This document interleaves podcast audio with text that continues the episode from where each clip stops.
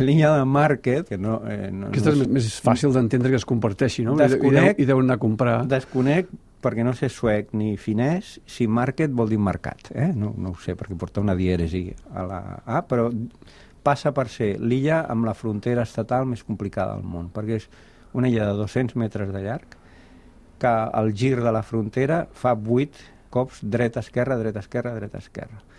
I, I això és... Això està al Bàltic entre... Perquè el que va fer, la, va, va fer aquesta línia en un despatx no No, té, bé? té, o... és per... no, no, ho desconec.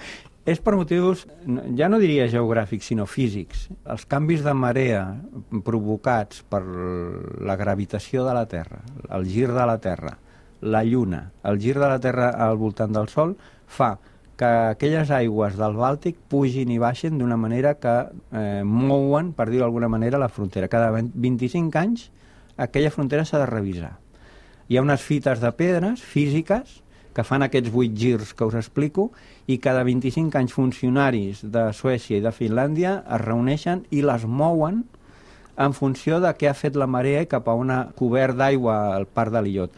Hi ha un far que sempre pertany a Finlàndia, però després hi ha terreny que va canviant cada 25 anys. El és- rebot isostàtic. el rebot és... I, i s'agafen la feinada cada 25 anys, és a dir, cada segle quatre cops, d'anar a moure les fites de pedra d'una illa que, per altra banda, ningú coneix que tingui cap altra mena d'utilitat que sortir en els anals de les curiositats geogràfiques mundials.